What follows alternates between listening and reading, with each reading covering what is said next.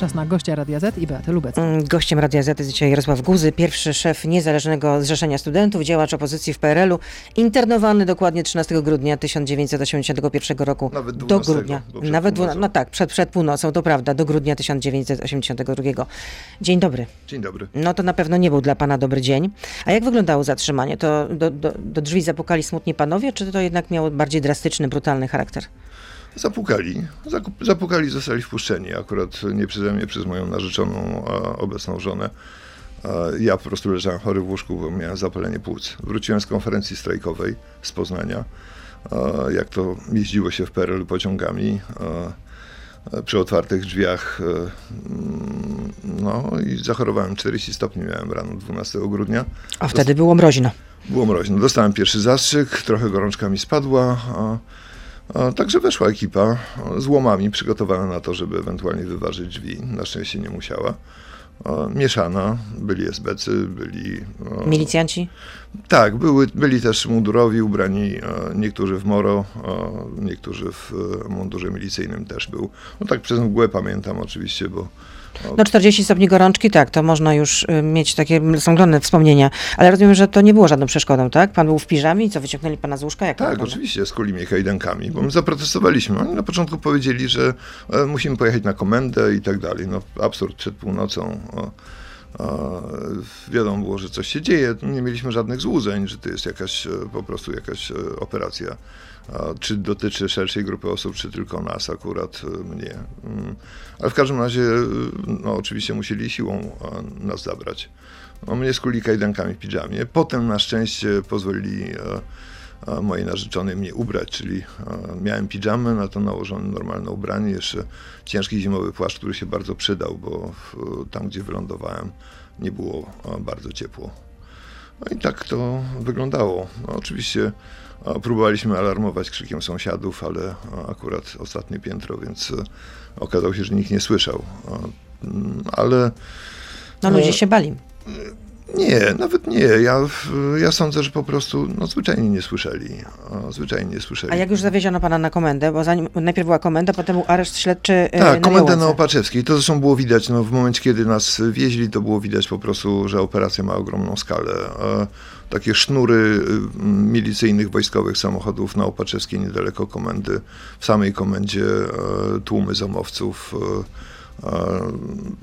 Czekających e, tam przy ścianach, siedzących, e, niektórzy wbiegali, wybiegali. E, Uwijali się SBC jak w ukropie z papierami, no bo tych zatrzymanych było sporo. Gdzieś widać było, ja zobaczyłem przez chwilę papiery kogoś z Ursusa na A przykład. was rozdzielono, pana i narzeczoną? Tak, tak, na, na komendzie nas rozdzielono. Żona wylądowała na dołku, a tam próbowano od niej wymusić lojalkę, a, zwłaszcza zdyskredytować rodziców. No, rodzice byli działaczami opozycji i Solidarności. Państwo romaszewscy. Tak jest. E, Natomiast e, mnie po prostu zapakowano razem z e, grupą do Nyski, do Busika i zawieźli ostatecznie na Białękę. Tam przeszliśmy przez szpaler Zomo. jeden. Ciupagi 1, bardzo oryginalna nazwa, tak. Zgadza się. Bardzo. A wy się spodziewaliście, wy, czyli pan i pana narzeczona, y, tego internowania? Czy to było kompletne zaskoczenie? Znaczy słowo internowanie jeszcze nie padało, bo generalnie... Do zatrzymania. Zatrzymania. No nie, oczywiście tego typu akcji, to znaczy, że, że władze nie wytrzymają i, i spróbują skończyć z ruchem Solidarności. Tak. Ja dawałem wywiad e, przy moim wyborze na przewodniczącego e, NZS-u. I on został ocenzurowany. tak, i tam jedno zdanie zostało cenzurowane. Pytano typowe dziennikarskie pytanie, co dla mnie oznacza osobiście ten wybór. Ja powiedziałem przesunięcie się na liście proskrypcyjnej w górę.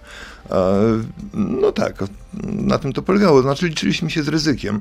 Pewnie nie wszyscy, e, ja podejrzewam, ale dla mnie, no dla żony to, to było dosyć jasne. E, Także nie mieliśmy złudzeń, że to jest poważna operacja i było pytanie kto kogo, to znaczy czy im się uda, czy nie.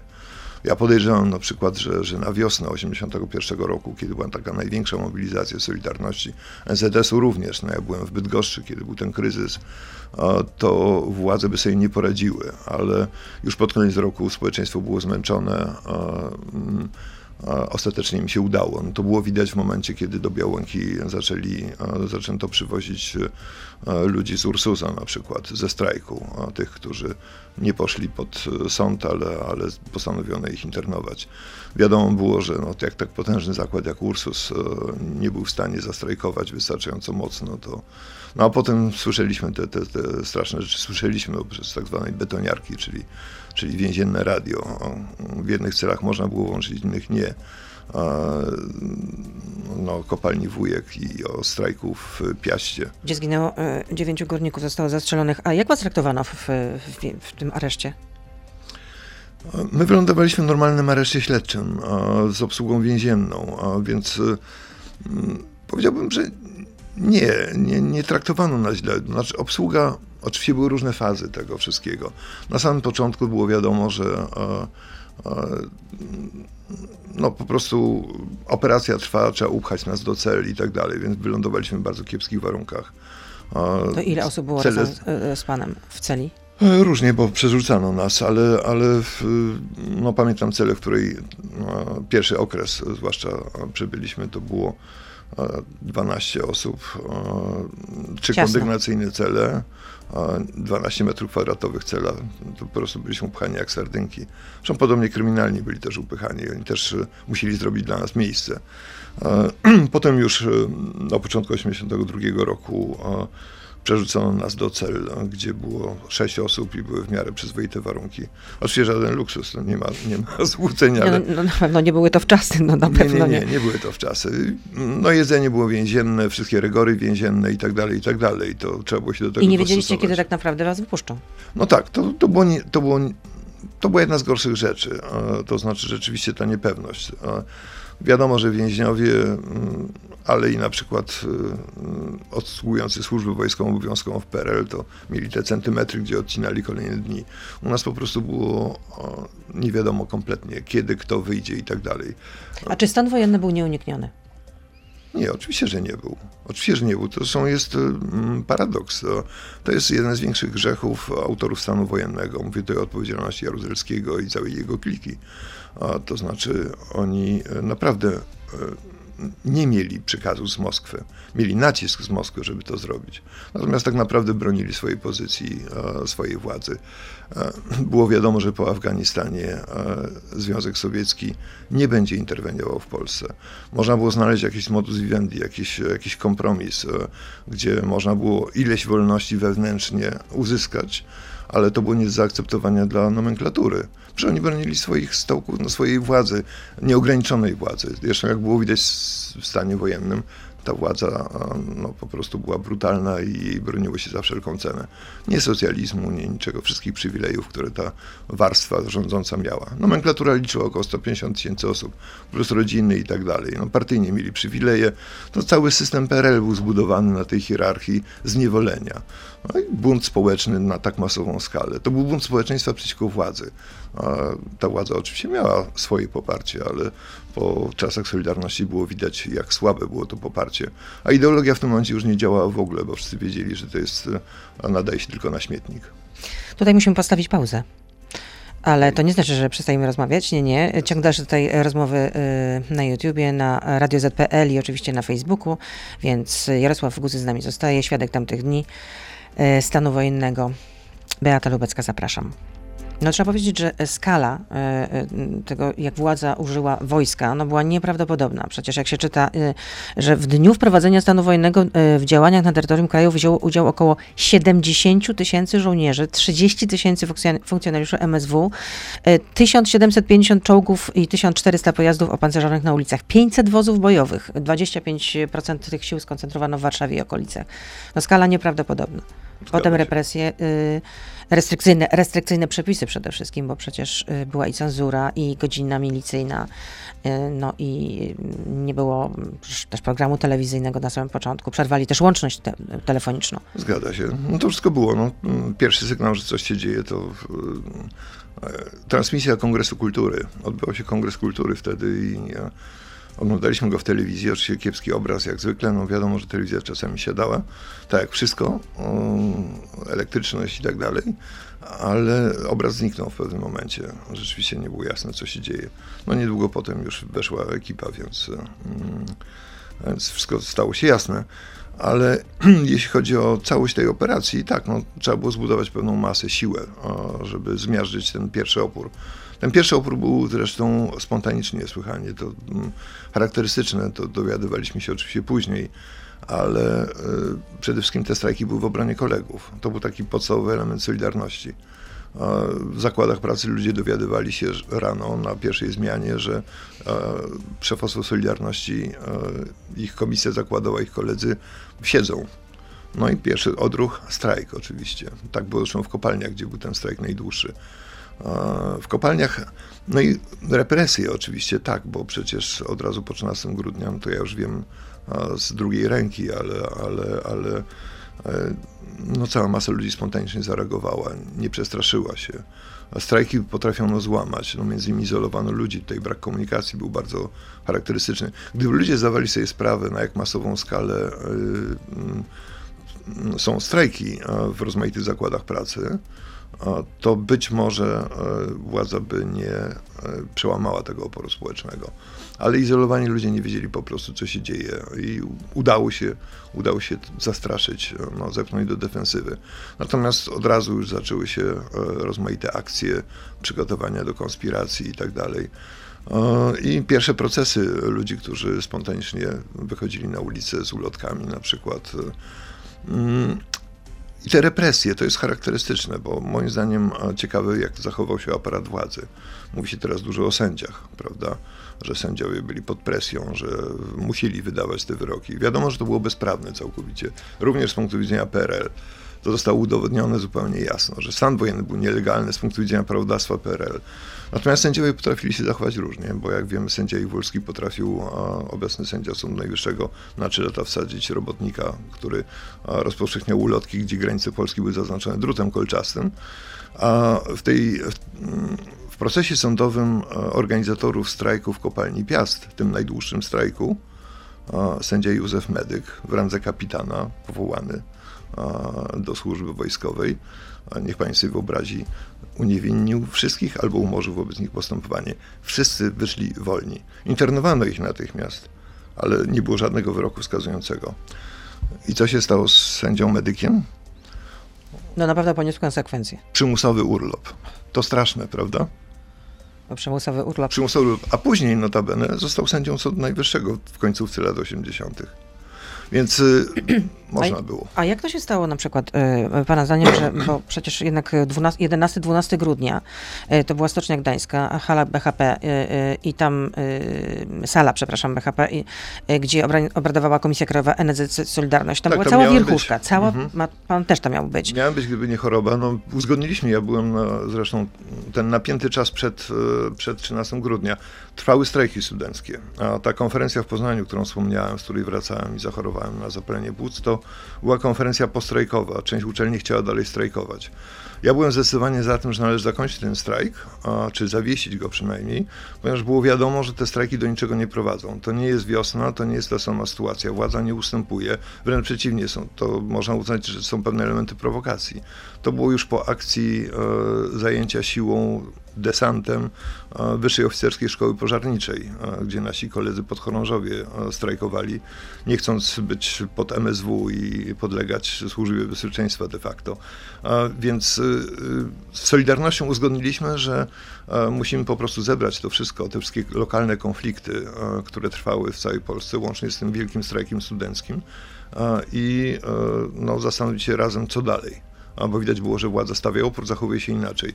No ale jeśli chodzi o to, jak mogła się zachować policja, jak mogła się zachować służba bezpieczeństwa, przecież można było otoczyć te, te sale i właściwie wszystkich od razu zatrzymać, aresztować.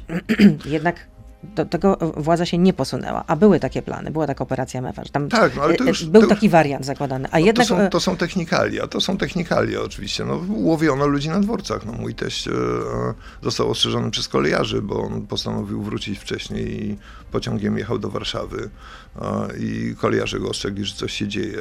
W związku z tym wyskoczył przed dworcem wschodnim na Pradze, e, którą zresztą dobrze znał, bo to było e, miejsce znane z czasów dzieciństwa, młodości e, i uniknął e, zatrzymania. Ale operacja była profesjonalnie przygotowana, no, przy pomocy doradców sowieckich, rzecz jasna. To była nieźle przygotowana operacja. Co więcej, ona zaczęła być przygo- przygotowywana tak naprawdę e, w czasie strajków sierpniowych 80 roku. Wtedy już zaczęto rozpatrywać ten wariant. I to jest bardzo charakterystyczne dla stanu wojennego, jeżeli ktoś się zastanawia nad sensem e, tej operacji. Po prostu władza nie akceptowała jakiegokolwiek nawet minimum wolności, które społeczeństwo chciało uzyskać. Nie była skłonna do żadnego kompromisu. Przygotowano wariant siłowy od początku, tylko było pytanie, kiedy go wdrożyć. Ostatecznie przecież działano na zmęczenie również.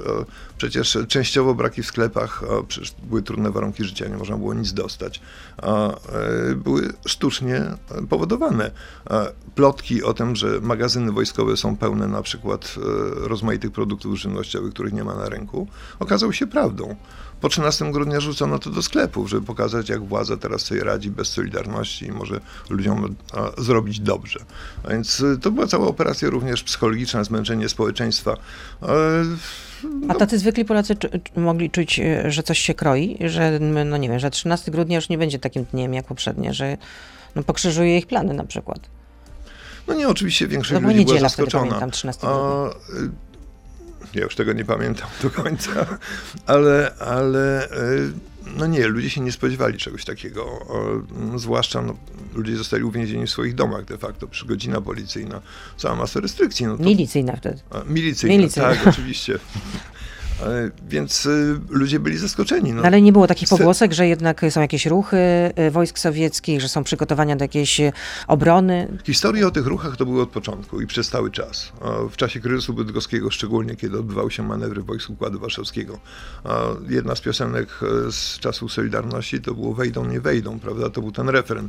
A Cały czas było pytanie, czy wejdą, czy nie wejdą. Ale generalnie rzecz biorąc, nikt nie spodziewał się, że bez wsparcia Związku Sowieckiego bezpośredniego władze odważą się na stłumienie tego buntu. Zresztą okazało się, że był to z ich punktu widzenia, a, to była ślepa uliczka. Bo przepraszam, co się stało? Co spowodował stan wojenny? No skompromitował ostatnie rezerwy po prostu o, o rezerwy wiarygodności tej władzy, bo o, jeżeli ta władza była tolerowana, to tylko z tego powodu, że właśnie zgodziła się na porozumienia sierpniowe, zgodziła się na ileś wolności. W momencie, kiedy to wszystko wycofano, ja to porównuję cały czas do tego, co zdarzyło się na Białorusi w zeszłym roku kiedy społeczeństwo jako społeczeństwo, jako całość praktycznie, niezależnie od tego, jaka mniejszość popiera Łukaszenkę, zbuntowało się przeciwko władzy. Władza została obnażona całkowicie, że jest to po prostu naga władza tylko i wyłącznie w swoim własnym interesie. Nie ma żadnego uzasadnienia. I stan wojenny tego, do tego dobitnie dowiódł.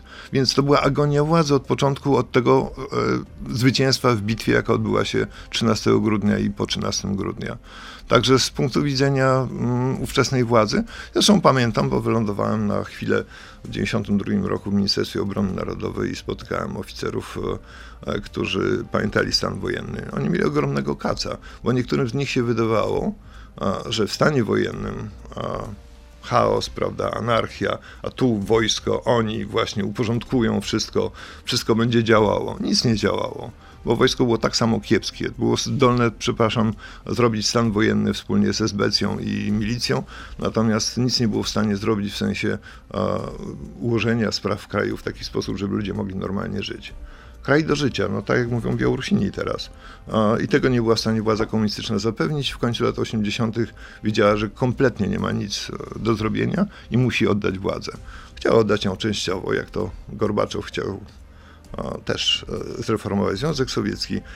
A Nasze władze komunistyczne chciały, żeby e, oddać władzę i nie oddać jednocześnie, ale ostatecznie musiały ją oddać. Choć e, całkiem dobrze im się udało przetrwać ten czas, bo nie odpowiedzieli za stan wojenny. No nie. No nie, a generał e, Wojciech Jaruzelski niezmiennie bronił swojej decyzji o wprowadzeniu stanu wojennego i twierdził, że no jednak uchronił Polskę od chaosu gospodarczego, od walki bratobójczej i od sowieckiej interwencji zbrojnej. No, przepraszam, wolne żarty. No tutaj jeszcze zacytuję pana generała, pan napisał taką książkę, stara się o 30 lat i tam Jasne, napi- broni swojej pozycji. Żałuję, ubolewam i przepraszam za różne dotkliwe konsekwencje stanu wojennego. Był on ostatecznością, stał się koniecznością, był mniejszym złem, ale zło nawet mniejsze jest również złem. Tak pisał w swojej, swojej książce. No tak, jeśli chodzi o walkę bratobójczą, zaczniemy od tego, to, to on wywołał walkę bratobójczą, bo czym był stan wojenny, przepraszam? No, były ofiary stanu wojennego, pamiętam o górnikach Chociaż oczywiście. tak na dobrą sprawę, no, nie można ustalić do końca, ile tych ofiar stanu wojennego jest, bo tak, generał bo Jaruzelski często są- o 14 osobach. E, W internecie można znaleźć informację, że to jest 40 osób. Była też komisja nadzwyczajna Jana Rokity w początku, Tak. e, powołana chyba w 80, 1989 roku i tam ustalono, że około 100 ofiar stanu wojennego było. Tak, no to, ta ostatnia liczba jest y, bliższa prawdy. E, Najbardziej prawdopodobne. Najbardziej prawdopodobna, no oczywiście oprócz ofiar, które znamy i które są zweryfikowane, to mamy ofiarę skrytobójstw, bo tutaj generał Jaruzelski o tym nie mówi, no ale jemu podległe służby, przepraszam, mordowały ludzi a, pokryjomu. No skrytobójcy to taki mm, nie tylko ksiądz Popiełuszko, bo akurat tutaj została przynajmniej częściowo ujawniona prawda i sprawcy bezpośredni, choć nie zostali ukarani ci, którzy wydali im rozkazy bo niewątpliwie nie działali bez rozkazu. A, y, tak, no to był zbrodniczy reżim po prostu. Niezależnie od tego, że na świecie widzimy krwawe e, stłumienia rewolucji, buntów, e, ofiary idą, nie wiem, w Birmie w tysiące, prawda? To jednak na skalę polską, e, przy, zwróćmy uwagę, stuprocentowo pokojowym charakterze ruchu. Bo to, co było fascynujące w Solidarności, oprócz tego hasła Solidarność, które no, zostało potem rozmienione na drobne, ale było fantastycznym hasłem, które mobilizowało społeczeństwo. Jak ludzie się zachowywali wobec siebie wtedy. Ktoś, kto pamięta ten czas, pamięta, że to był taki czas, gdzie no, ludzie po prostu pomagali sobie nawzajem. Takiej zwyczajnej, zwyczajnym odruchu ludzkiej pomocy. Można było zawsze liczyć na kogoś drugiego, na sąsiada, zresztą to w stanie wojennym też wyszło. Ale oprócz tego jeszcze, no, to było hasło e, hasło tego buntu społecznego bez przemocy. E, I władza była bezradna wobec tego. Użyła siły, więc co tu mówić, przepraszam, o tym, że uniknięto bratobójczej walki. Wręcz przeciwnie. Mm, Zdecydowano się na agresję wobec społeczeństwa, licząc się nawet z ofiarami. Te wszystkie ofiary są na sumieniu generała i jego, jego popleczników. Także to nie ulega wątpliwości. E, A jeśli chodzi o anarchię, no przepraszam, zanarchizowali gospodarkę totalnie. Komisarze wojskowi w zakładach pracy, co przepraszam, zakłady działały, a gospodarka działała. Przy kryzys się aż do końca lat 80. Dlatego musieli oddać władzę, bo nie byli w stanie nic zrobić po prostu. A co jeszcze tam winił generał? Mm, No jeszcze, że właśnie, że mogły wejść do nas z wojska radzieckie. No, no znamy protokoły obrad biura politycznego e, Komunistycznej Partii Związku No, Radzieckiego. ale był też, no, I wiemy, wiemy dokładnie, że Związek Radziecki odmawiał jakiegokolwiek wsparcia realnego, fizycznego e, tej operacji mówi pan o wypowiedzi też e, Andropowa? No tak, oczywiście, ale to, to na, na biurze politycznym jasno stawiano i co więcej mówiono to towarzyszom. Jaruzelski błagał, bo bał się, bał się, że stan wojenny własnymi siłami nie wyjdzie, błagał o pomoc albo o gwarancję pomocy, gdyby coś poszło nie tak. Nie dostał żadnej gwarancji. A więc y, tutaj nie będziemy oczyszczać Breżniewa z wszystkich grzechów, które ma na sumieniu i Komunistycznej Partii Związku Radzieckiego, ale ta operacja była wspierana tylko i wyłącznie przez doradców, ewentualnie logistykę. No zresztą były zeznania podczas e, procesu pierwszego sekretarza KCPZPR Stanisława Kani, który był e, poprzednikiem Tak. e, Wojciecha Jaruzelskiego e, na tej funkcji. No i w swojej mowie mówił przed Sądem Okręgowym w Warszawie, to był 5 stycznia 2001 roku. Jestem głęboko przekonany, że i jesienią 1981 roku zagrożenia Polski radziecką interwencją zbrojną nie było. Wydaje się, że radziecka interwencja mogłaby nastąpić tylko wówczas, gdyby w Polsce dokonywał się przewrót ustrojowy i nastąpiło zerwanie więzi z Układem Warszawskim. Czy też gdyby doszło do załamania operacji stanu wojennego e, tragi- z tragicznymi skutkami. no, tragicznymi skutkami, gdyby rzeczywiście doszło do rewolucji i obalenia tego systemu, prawda? Ale w Solidarności, niezależnie od tego, że czasami retoryka niektórych działaczy ponosiła, wszyscy zdawali sobie sprawę z uwarunkowań. O, że Polski nie da się wyjąć z tego systemu. Polska na dodatek nie była krajem granicznym Układu Warszawskiego. Wszyscy zdawali sobie sprawę. A wojska sowieckie stacjonowały, więc y, obchodzono po prostu jak śmierdzące jajo te wszystkie sprawy i było wiadomo, że to chodzi o wolność wewnątrz. I co więcej, z tych zapisów biura politycznego na Kremlu było jasne, że już w tym momencie ta dogorywająca władza Breżniewa była skłonna Polsce odpuścić, czyli zgodzić się na pewien wymiar wolności na zasadzie na wyjątku. Tak, tak, tak, być może czasowo, bo to jasne, że totalitarna władza po prostu nie znosi jakiegokolwiek ziarenka wolności, ale można było uzyskać jakieś właśnie kompromisowe rozwiązanie, przynajmniej czasowe. No, scenariusze były różne, nie było obowiązkowego scenariusza stanu wojennego. To był wybór własny elity władzy PRL. A co by było, gdyby nie było stanu wojennego? No to ciekawe, ciekawe by było. No musielibyśmy zrobić reformę gospodarczą, to byłoby interesujące. Mm, to jest gdybanie, no to jest historia równoległa, wiadomo. Tak, zdecydowanie, to, alternatywna. To jest, to jest fantastyka trochę, ale, ale oczywiście e, można było sobie wyobrazić pewien rodzaj eksperymentu wewnętrznego po prostu, jeśli chodzi... Takie próby eksperymentu były, przepraszam, w Czechach, w Czechosłowacji wówczas jeszcze. Takie próby eksperymentu były na Węgrzech również w pewnym momencie. To było możliwe. Mieliśmy eksperyment jugosłowiański, który był poza Układem Warszawskim. Też nieudany, co dużo mówić, ale niekoniecznie z powodów gospodarczych też, no, powiedzmy sobie szczerze, e, koncepcje gospodarcze socjalistyczne e, padły w tym czasie. Niezależnie od tego, że ultraliberalne alternatywy też okazały się mieć duże wady, nazwijmy to delikatnie, o czym e, mieliśmy okazję się przekonać na początku lat 90. w czasie transformacji, to wachlarz możliwości był ogromny i w ramach tych uwarunkowań politycznych w 1981 roku również było to możliwe. Ale mm, dla mnie e, jednym z takich wyznaczników systemu komunistycznego. Pamiętam, ubawiłem Chińczyków e, z Chin komunistycznych kiedyś na konferencji e, w Stanach Zjednoczonych, kiedy powiedziałem, że komunizm to wielkie kłamstwo. No bo to jest wielkie kłamstwo od początku do końca. Od początku, kiedy powstał pierwszy kraj komunistyczny rządzony przez puczystów Lenina, to wszystko było oszustwem. I na tym kłamstwie, oszustwie to wszystko było zbudowane. Ale dlaczego pan rozbawił e, Chińczyków w takim stwierdzeniem? Dlaczego rozbawiłem? E, bo oni do tego nie podeszli w ten sposób. To ciekawe było. Tam byli dysydenci chińscy. Mm, no, byłem pod wrażeniem, bo mm, tam mm, każdy się przedstawiał i oni przedstawiali się na zasadzie takiej 5 lat w Laogai, czyli w łagrach chińskich, 10 lat, 15 lat 20 lat. Pomyślałem sobie, no z opisów znałem Laogai. Między innymi wspomniał Bukowskiego, Władimira Bukowskiego. Jest taki zabawny kawałek, jak on siedzi w łagrze na Syberii i dostarczają im Chińczyka, który uciekł z łagrów chińskich i trafił do sowieckich. I oni mówią, że tu źle, no głód i tak dalej. Mówi, jaki głód? Muchy jeszcze latają. Więc wszystko jest stopniowalne, ale wracając do stanu wojennego, no pod tym względem też e, zdajemy sobie sprawę, e, że my byliśmy na innym etapie. To nie był czas stalinowski, e, masowych mordów, masowych zbrodni itd., tak itd., tak w tym zbrodni sądowych. Dla mnie najbardziej przerażające jest to, jak zachowała się część aparatu władzy, e, jednak okazało się, że przeważył własny interes.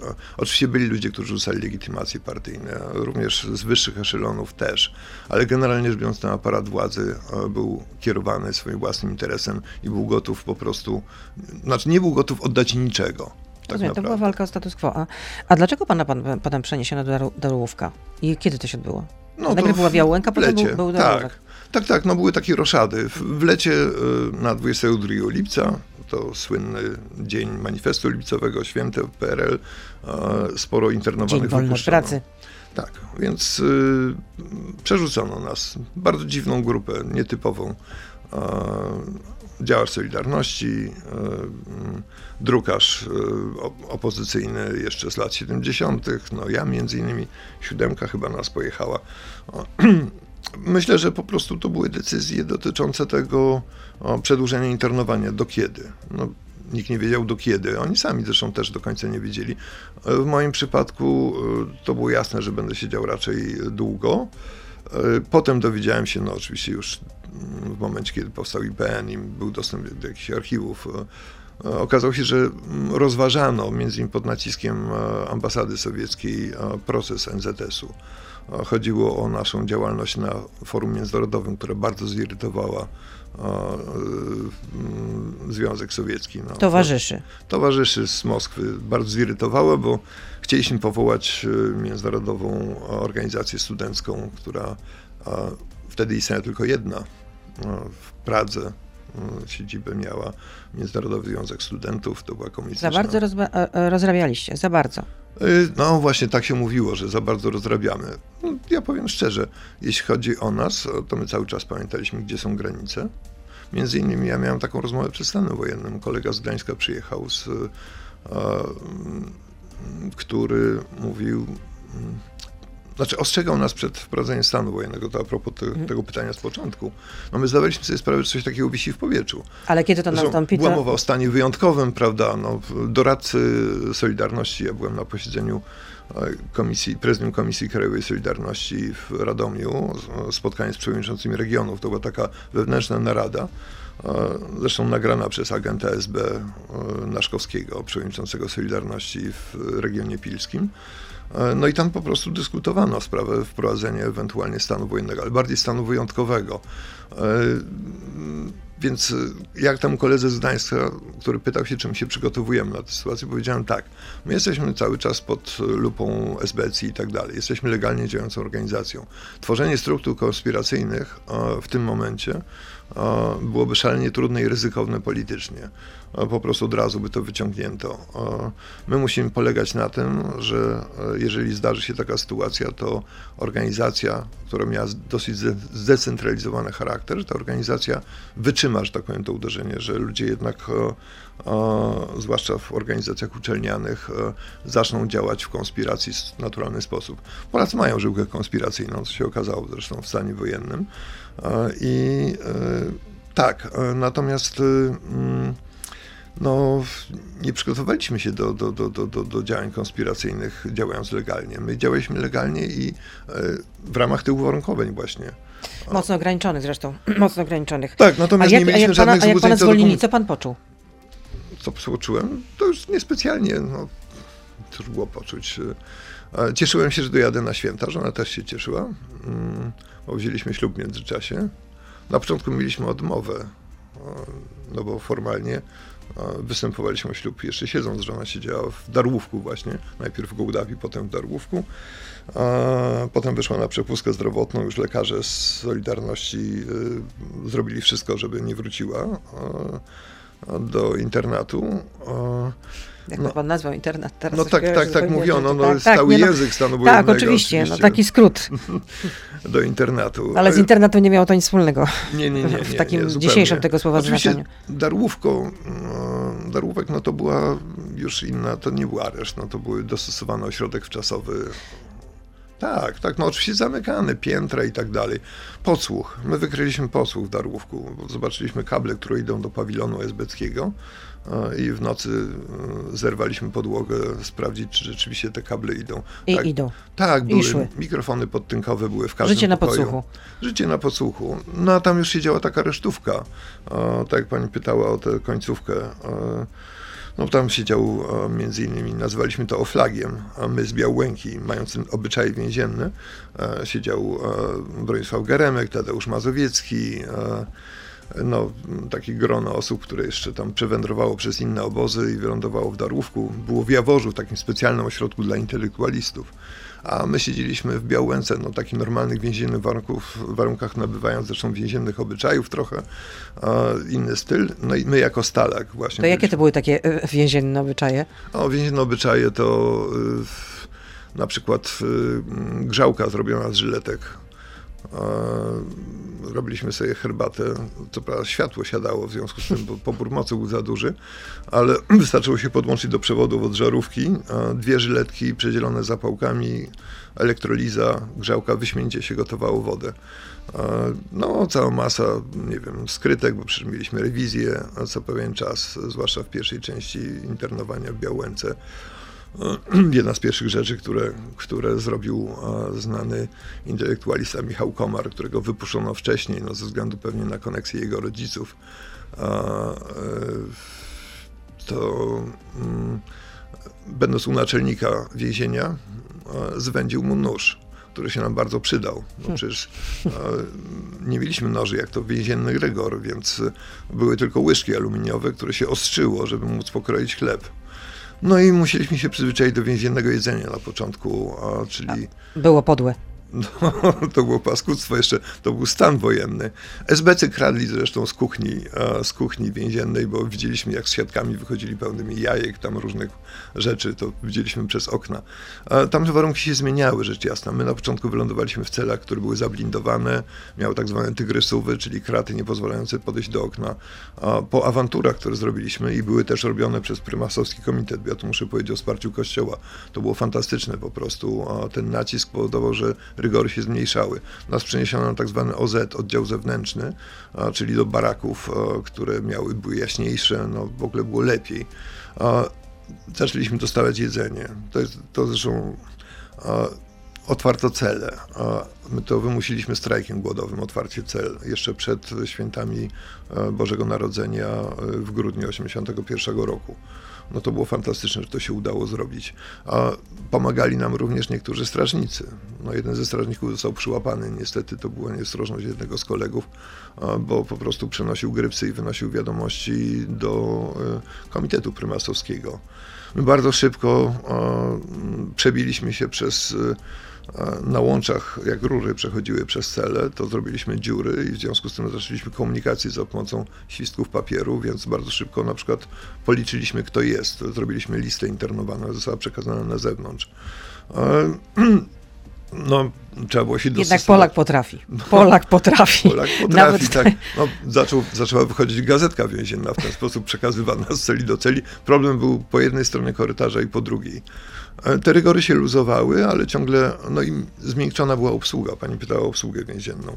Tak jak mówię, były przypadki, no oficer służby więziennej, który nam wręcz pomagał, ale strażnicy na początku byli speszeni, oni nie byli przyzwyczajeni do więźniów politycznych. Byli przyzwyczajeni do obyczajów więziennych z więźniami kryminalnymi ale po jakimś czasie załapali, że to jest nie to, wyszli ze swoich służbowych już rygorów, a nie powiem, że się zaprzyjaźniliśmy, ale, ale między innymi no, mm, jednak pewien rodzaj szacunku, który mieli do nas. Tam cały czas e, pracowała ekipa SB, która miała zmiękczać ludzi. Wzywali na przesłuchania.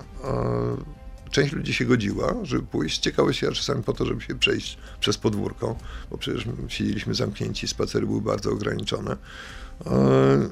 Po pewnym czasie już wyrobił się zwyczaj, że odmawiamy chodzenia do, do, do SBC no, strażnicy, którzy nas wywoływali. Pamiętam strażnika, który wywołuje kolegę z mojej celi. Nie, nie mam zamiaru. Odmawiam. No rozumiem, rozumiem. Mój strażnik. Ale pan tak pana słucha i tak strażników... sobie, że bardzo żywe są te wspomnienia. To 40 lat, jakby nie patrzeć, a panu o tym opowiadają, jakby to było wczoraj. No tak, bo No może nie jak wczoraj, no ale chociażby. Nie, nie wszystko się pamięta, są pewne luki, jak a, a teraz się zastanawiałem, skład celi, prawda. No faktem jest, że e, czas mija. No ja byłem młodym człowiekiem. Oczywiście to była rewolucja ludzi młodych w dużej mierze, ale e, no, z mojej celi to chyba tylko jeszcze jedna osoba poza mną żyje. Reszta zmarł Janek Lityński na przykład, no, z którym siedziałem przez pół roku z którym rozegrałem mnóstwo e, robrów, e, brydża. Mm. Czyli przyjaźniliście się. Tak, tak, tak, tak. Nawet no, politycznie się bardzo różniliśmy po, po Ale przyjaźniliście roku. się. Może nie tyle, przestaliśmy, przestaliśmy się przyjaźnić, ale... Ale, ale szanowaliście szanow... się. Tak, oczywiście, nie. Co prawda uciekał przede mną, bardzo ubawiał się dyskusji, miałem za dużo argumentów. Janek bardzo lubił dyskutować, w celi zresztą dyskutowaliśmy, tam było mnóstwo dyskusji. Bo trzeba pamiętać, że a, wszystkie dyskusje z czasów a, Solidarności przeniosły się a, do cel, do ośrodków internowania. Dyskusje między radykałami umiarkowanymi obie frakcje wylądowały w więzieniu, więc było pytanie, dlaczego, co, kto miał rację. No, Pan był radykałem. Nie, nie, nie, Nie. nie. Właśnie to jest paradoks, że cały NZS zresztą zawsze oskarżany o radykali, studenci i tak dalej. Radykalni byliśmy w jednym, ale pod tym względem my mieliśmy to wspólne z e, młodym pokoleniem robotników. Się świetnie dogadywaliśmy z robotnikami z zakładów pracy, z działaczami Solidarności wyższego szczebla, nie mówiąc o doradcach tak zwanych, którzy byli bardzo silną grupą wokół Wałęsy szczególnie. To było różnie ale z, na poziomie zakładów pracy świetnie się dogadywaliśmy. Zresztą strajki studenckie, niektóre, które dotrwały do 13 grudnia, przyniosły się do, do zakładu pracy. W moim rodzinnym Krakowie, do Huty Lenina, na Śląsku, do kopalń. A, to była niezwykle fajna sprawa. I to, co nas łączyło, to pokolenie młodych robotników i nas, to była kwestia generacyjna. My odrzucaliśmy komunizm w całości. Byliśmy gotowi się godzić na kompromis na zasadzie, bo musimy, mamy zewnętrzne uwarunkowania ale reformować komunizm, poprawiać reformować? system. Co tu reformować? Nie. Jak tylko będzie okazja wyrzucić do śmieci, a nam marzyła się wolna Polska, to, to A ta, nas a ta. Polska, która jest teraz, to tutaj jest nawet pytanie od, od, od słuchaczki, czy, czy aktualna władza buduje panu Polskę z młodzieńczych e, marzeń? Nic nie jest idealne. Jak było idealne, to bym pewnie był zaangażowany na 100%. A ja mam duży dystans do tego, co jest po 1989 roku, ale nie w stosunku do dzisiejszej władzy. Ja dzisiejszą władzę generalnie rzecz biorąc popieram w tym zasadniczym sporze, który po 1989 roku nastąpił w Solidarności. No przecież nastąpił zasadniczy podział. Ja uważam, Bardzo że, wyraźnie zresztą. Ja uważam, wyraźnie. że elity, które doszły do władzy po 1989 roku, elity Solidarnościowe, ta część elit, to przybyła część, to, mm, to jest syndrom zdradzonej rewolucji. Solidarność to hasło wyrzucone do śmieci. Zastąpiono to, przepraszam, dżunglą. Mówię o reformie ekonomicznej, która nie miała żadnego wymiaru społecznego. No ale może wtedy nie było innego wyjścia. Nie, nie, nie, na pewno było inne wyjście. Ja, przepraszam, e, zapoznałem się z kapitalizmem tuż przed naszą transformacją. Był pan w Stanach Zjednoczonych. Byłem w Stanach Zjednoczonych. Pod tak koniec jest. lat 80. Tak. Wtedy No to jaka była droga w takim razie? Jeśli kapitalizm No jeżeli pani się jeśli mnie pyta, transformacja ma, mam przedstawić w ciągu, w ciągu jednej minuty Nie, no nie da się. alternatywę do... już, no nie, bez żartu. dojechaliśmy do końca niemalże. Bez żartów oczywiście. E, Teraz oczywiście e, doświadczenie e, mamy dużo większe. Też oglądamy doświadczenie innych krajów, które przeszły też transformację, E, ale e, oczywiście, że była alternatywa. E, Na Stanach Zjednoczonych ultraliberałowie, Cato Institute, to ta, ta, taka ostoja liberalizmu, no, mm, dyskutowali z nami między innymi reformę I oni, oni uważali, że bo ekonomia to jest nauką praktyczną, przepraszam, to nie jest doktryna. Koncepcja, że się stosuje pewną doktrynę. Ja, przepraszam pana Balcerowicza, pamiętam z lat 70. jako młodego ekonomistę, który chciał zreformować socjalizm. A, tak wyglądało. A potem został ultradoktrynerem ultraliberalizmu. Kuriozum, przepraszam. A jedno łączy w postawi e, Balcerowicza z lat 70. i z lat 90. Doktrynerstwo. Doktrynerstwo jest najgorszym pomysłem na reformę ekonomiczną. No widać, że nie jest pan na pewno y, tutaj a, zwolennikiem L- L- Leszka Balcerowicza. Jest jeszcze jedno pytanie. Czy oglądając wiadomości TVP, Nie, czuje pan, że cofa się pan do, do okresu studenckiego? E, Kiedy co oglądam? Wiadomości. Telewizji publicznej. Nie, no cofam się do okresu przed 2015 rokiem, bo te wiadomości. Ja znam kuchnię telewizyjną, bardzo dobrze znam. I znam, wiem co się działo w mediach po 1989 roku. Ja tę kuchnię znam i bardzo mnie nie dziwi. Czy mi się podoba e, telewizja publiczna obecnie? Tak samo mi się nie podoba jak TVN24. Jest on bardzo krytyczny. Bo ja jestem, Bardzo. ja jestem zwolennikiem zasad. Pod tym względem ja trzymam e, cały czas fason i reguły e, z czasów mojej młodości, czasu rewolucji Solidarności. Przywiązanie do zasad, do pryncypiów. I pod tym względem zasady dziennikarskie też powinny obowiązywać. Nie na zasadzie kto kogo. A ja widzę, że te zasady dziennikarskie zanikają. Nie tylko u nas, na Zachodzie również. Ja to oglądam szerzej. Ja zajmuję się głównie sprawami międzynarodowymi, które powinny być bardziej wyłączone spod bieżącej polityki. To mi pasuje. Ale w sprawach międzynarodowych na przykład ja obecny rząd zdecydowanie popieram. A jestem zdecydowanie przeciwny temu, co prezentuje opozycja. I to wynika z mojej głębokiej wiedzy, zarówno tego, co e, dzieje się w polityce europejskiej, jak i amerykańskiej. Naprawdę mam trudną sytuację obecnie, ale e, my nie możemy zgodzić się na porzucenie e, tych naszych haseł z czasów Solidarności. Nam chodziło o wolną, niepodległą Polskę. A czy to przeszkadza w naszej współpracy w ramach Unii Europejskiej? Nie. A dlaczego, przepraszam, nas się chce zagonić do kąta? A dlaczego nam. Czy my wybieramy Niemcom rząd? Czy my się interesujemy tym? No, wybrali Merkel, wybrali Scholza, wybrali kogoś tam. Niemcy wybierają. Pierwsza zasada. My decydujemy o sobie. To jest zasada, która była w czasach Solidarności. I koncepcja, że ktoś ma decydować za nas, jak my prowadzimy swoje sprawy. Mamy w Polsce demokrację. O tym będą decydować. A wartości o takie tym będą decydować Polacy przy urnach.